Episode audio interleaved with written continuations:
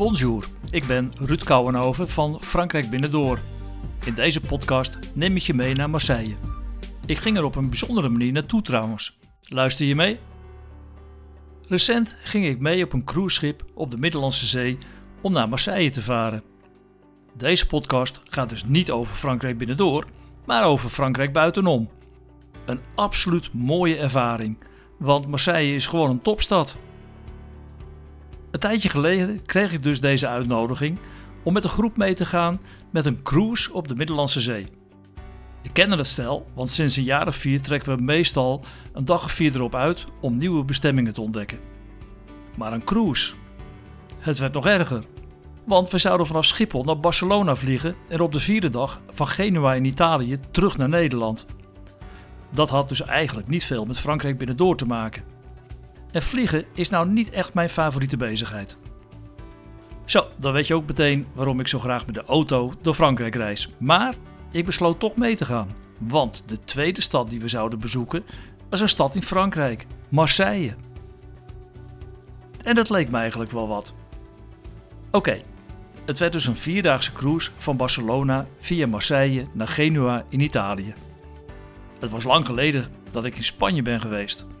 En Italië was al helemaal nieuw voor mij. Ik zei dus ja. En recent was het zover. Om 8 uur s morgens vlogen we met het vliegtuig naar Barcelona. Om daar later in de ochtend aan te komen.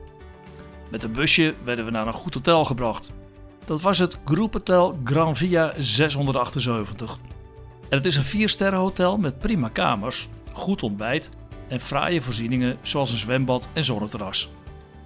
En dat op maar een paar honderd meter van de Plaza Catalunya en op loopafstand van de La Rambla, die overigens door iedereen gewoon Ramblas wordt genoemd. Wel moet ik bekennen dat ik niet zo gek veel van Barcelona heb gezien. Want we zijn nadat wij de koffers hebben achtergelaten in het hotel op zoek gegaan naar een leuke plek voor een lunch. Die vonden wij ergens halverwege bij de Ramblas.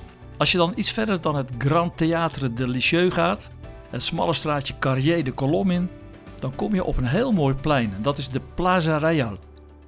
Loop dan naar links en achter in de hoek naar het paella-restaurant Marisco.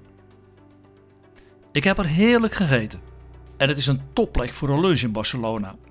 Wat mij opviel was dat het er midden in de stad toch lekker rustig was. Het is dus een plek om te onthouden. En het is ook leuk om hier vandaan naar de haven en het strand te lopen. Dat kan via de Ramblas, maar ook via de kleine straatjes en steegjes. Het is maar net wat je leuk vindt.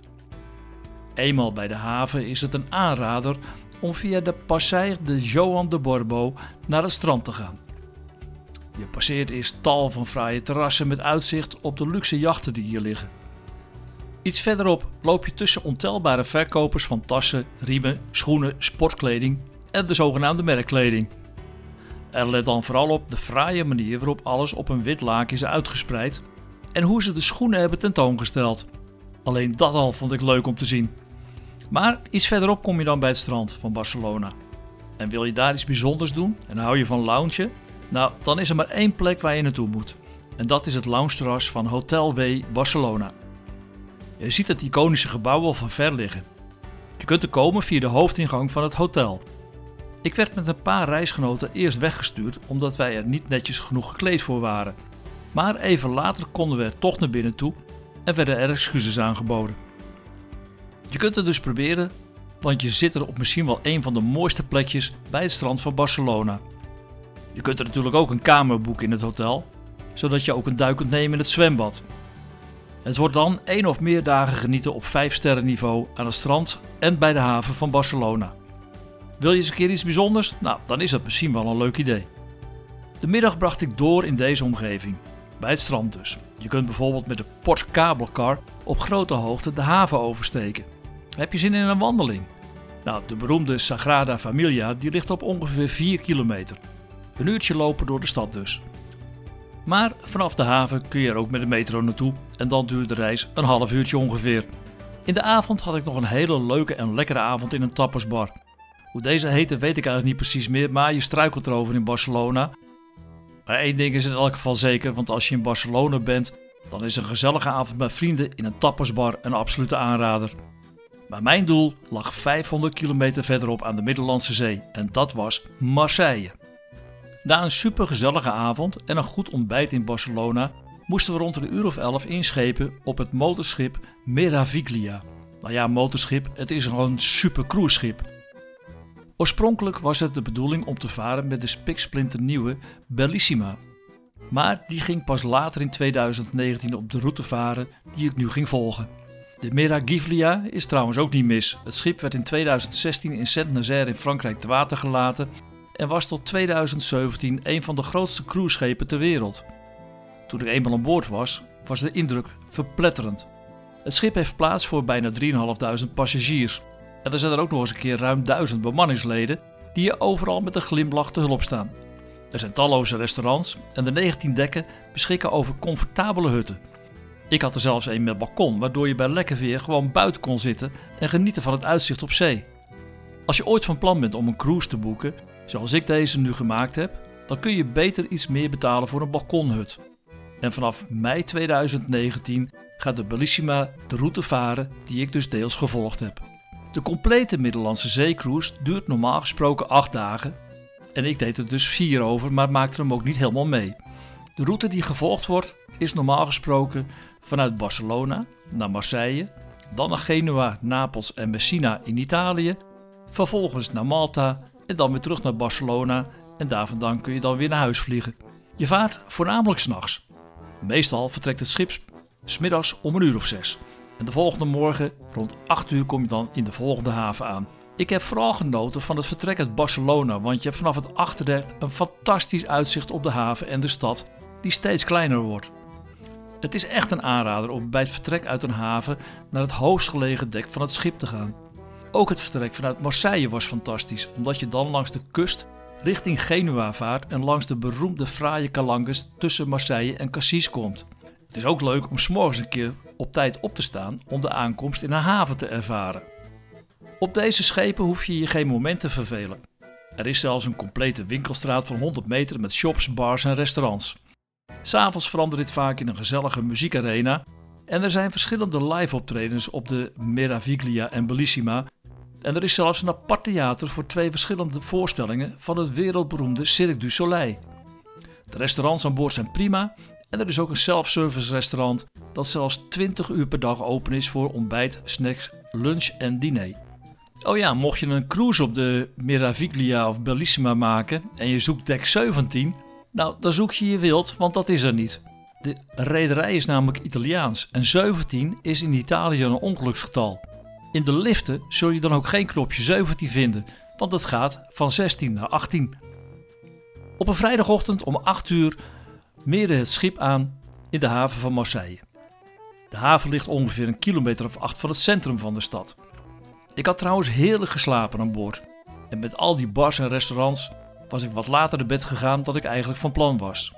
Het gevolg was dan ook dat ik net te laat was om het binnenvaren van de haven in Marseille mee te maken. Achteraf niet zo heel erg, omdat je een end buiten de stad ligt, viel er niet zoveel te zien. Na het ontbijt ging ik met mijn reisgenoten met de taxi naar het centrum, een ritje dat 20 euro kostte. Je kunt ook met pendelbussen van de cruisemaatschappij die klaarstaan, maar met een taxi heb je veel meer vrijheid. We hadden een afspraak bij Le Vieux Port in Marseille, waar een gids voor ons klaar stond met e-bikes. Er was namelijk een fietstocht gepland van ongeveer 3 uur en 7 kilometer langs de highlights en onbekende spots van Marseille. Een absolute aanrader, want je komt in relatief korte tijd veel te weten over deze mooie stad. Het is zelfs de tweede stad van Frankrijk na Parijs. De tocht was ongeveer 7 kilometer en startte dus in de oude haven La Porte Vieille bij het Théâtre Crier. De eerste stop was aan de kop van de haven bij het Palais du Faro. Dit paleis werd in de 19e eeuw gebouwd door Napoleon III. Hij heeft er echter nooit gewoond, want hij overleed voor het klaar was. Hij had wel oog voor de ligging, want die is werkelijk formidabel.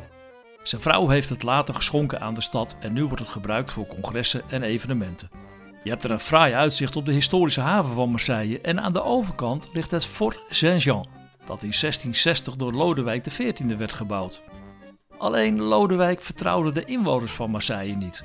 En het verhaal gaat daarom dat de kanonnen niet op zee, maar op de stad zijn gericht. In de Tweede Wereldoorlog werd overigens een groot deel van het fort verwoest toen bij de bevrijding een munitiedepot van de Duitsers de lucht invloog. De rit bij de e-bikes was prima. Er zijn geen of nauwelijks fietspaden in Marseille, dus het is wel goed opletten in het verkeer. En netjes achter elkaar blijven rijden en de gids volgen. Ik vond het in elk geval heel gaaf, want na het Paleis de Faro rij je een stuk langs de Middellandse Zee tot je in het leuke wijkje Vallon des Auves komt. Je hebt er een uitkijkpunt waar je de eilanden met een paar forten voor de kust ziet liggen. Kunt sommige zelfs met een bootrit bezoeken. Je zit hier in het zevende arrondissement van Marseille en het leukste vond ik als je een trap in de smalle steeg afdaalt. Erboven zie je een oud ijzeren bord met Vallon des Auves. Rechts ervan zie je een straatnaambordje met de Corniche-president JF Kennedy. En als je daar deze trap afgaat, dan staat je een zeer aangename verrassing te wachten. Je komt in een heel klein haventje en direct links van de trap die je afkomt zie je Chez Fonfon. En dat is sinds 1952 de beste plek in Marseille om bouillabaisse te eten. De beroemde vissoep die in deze stad zijn oorsprong vond. Los van het feit dat je er voortreffelijk kunt eten, is het uitzicht op het haventje fantastisch. Als je jezelf wilt verwennen, dan moet je hier een plekje zien te veroveren. Je moet wel van tevoren reserveren, want anders ben je kansloos en hou er rekening mee dat bouillabaisse eten, dat doe je met z'n tweeën en het is niet goedkoop. Er is nog een bijzonder plekje, en zelfs op sterrenniveau. En daarvoor loop je onder de brug door richting de zee. Je komt dan bij het restaurant Le Pisette van chef-kok Guillaume Sourieux. In het restaurant heb je een formidabel uitzicht op de Middellandse Zee. Alleen daarom is het al de moeite waard om te proberen en een plekje te reserveren. Hier kun je ook weer omhoog lopen naar het monument ter nagedachtenis aan de helden van het Franse leger. En daar stond de gids weer op ons te wachten. Na dat leuke haventje van Vallon des Auves fietste ik met de gids en de groep verder langs de Corniche van Marseille en kwam langs Le Bain Militaire. Volgens de gids een opvang voor militairen die niet lekker in hun vel zitten. In elk geval een prachtige plek om op te knappen, want de ligging is formidabel. We kwamen door kleine en smalle straatjes en reden door tot we bij de Pointe Cadière kwamen. Hier was het opnieuw tijd om even te genieten van deze bijzondere omgeving en het uitzicht op de eilandjes voor Marseille. Je kunt er met een trap naar beneden en zo kom je weer op een geheim plekje met een kiezelstrandje dat vooral door de inwoners van het zevende arrondissement wordt bezocht. Als je het niet weet, zul je dit nooit vinden. Op deze plek zie je ook twee eilandjes liggen. Het zijn de Ile Endoum en Ile Gabi. Op het laatste eilandje ligt een klein fort dat ooit door Lodewijk XIV werd gebouwd ter verdediging van Marseille. Begin vorige eeuw werd het eiland met fort door het Franse leger verkocht aan een rijke ondernemer uit Marseille die het vervolgens schonk aan zijn echtgenote Lilang Gabi. Het eiland is dus nu naar haar vernoemd. Zij organiseerde er talrijke feestjes en partijen. De huidige eigenaar heeft van het eilandje een evenementen- en PR-centrum gemaakt en je kunt het ook huren voor feesten en partijen. De fietstocht ging verder door de smalle straatjes en we maakten nog even een stop bij de Anse de Mal d'Ormé. En dat is ook weer zo'n mooie baai, waar vooral de inwoners van Marseille van zon en zee genieten. Je kunt met een trap naar het Kiezelstrand. Langs de hele kust van de stad vind je dit soort geheime strandjes. Iets verderop kom je dan ook opnieuw bij een mooie baai en dat is de Anse La Fosse Monet. Daar fietsten we langs de kustweg richting het Park Valmer, maar iets daarvoor verlieten wij de weg om omhoog te fietsen naar de bijzondere basiliek die hoog boven Marseille het beeld van de stad bepaalt. En zoals zo vaak ligt de beloning op de top en dat geldt zeker voor Marseille. Met de gids voorop reden wij dwars door de stad. Het is goed opletten, want er zijn geen fietspaden en je moet een paar keer een kruising over zonder stoplichten. Het eerste stuk gaat, maar op een gegeven moment begint de weg behoorlijk omhoog te draaien.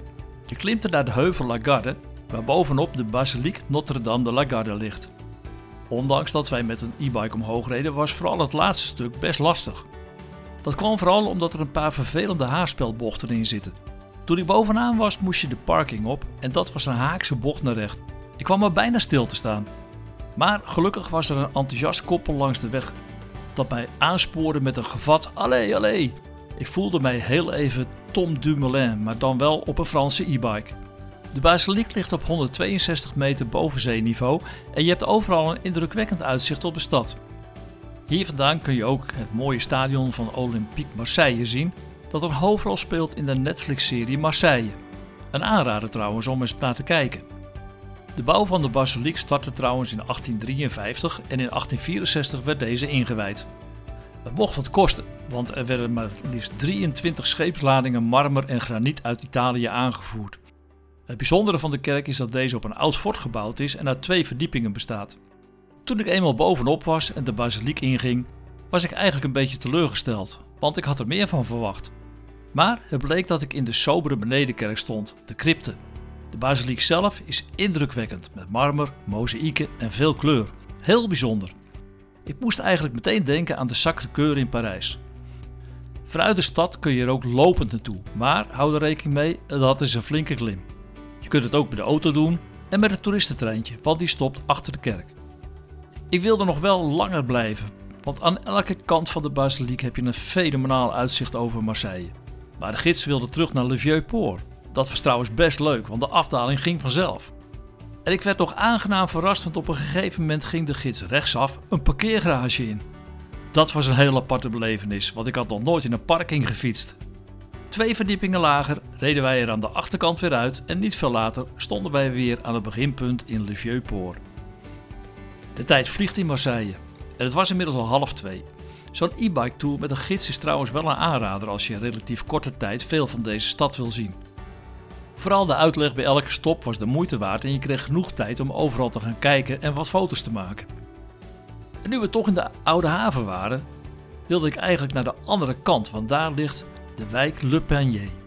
En ik had mij laten vertellen dat het daar super gezellig is en dat er leuke restaurantjes zijn. En dat is ook zo. Vanaf het Theatre Crier kun je om de Oude Haven heen lopen, maar makkelijker is het om voor 50 cent de ferry te pakken die midden in de haven heen en weer vaart. En dat is nog leuk ook. Aan de overkant liggen dus tal van restaurants en leuke terrassen waar ik met mijn reisgenoten een plekje zocht en vond.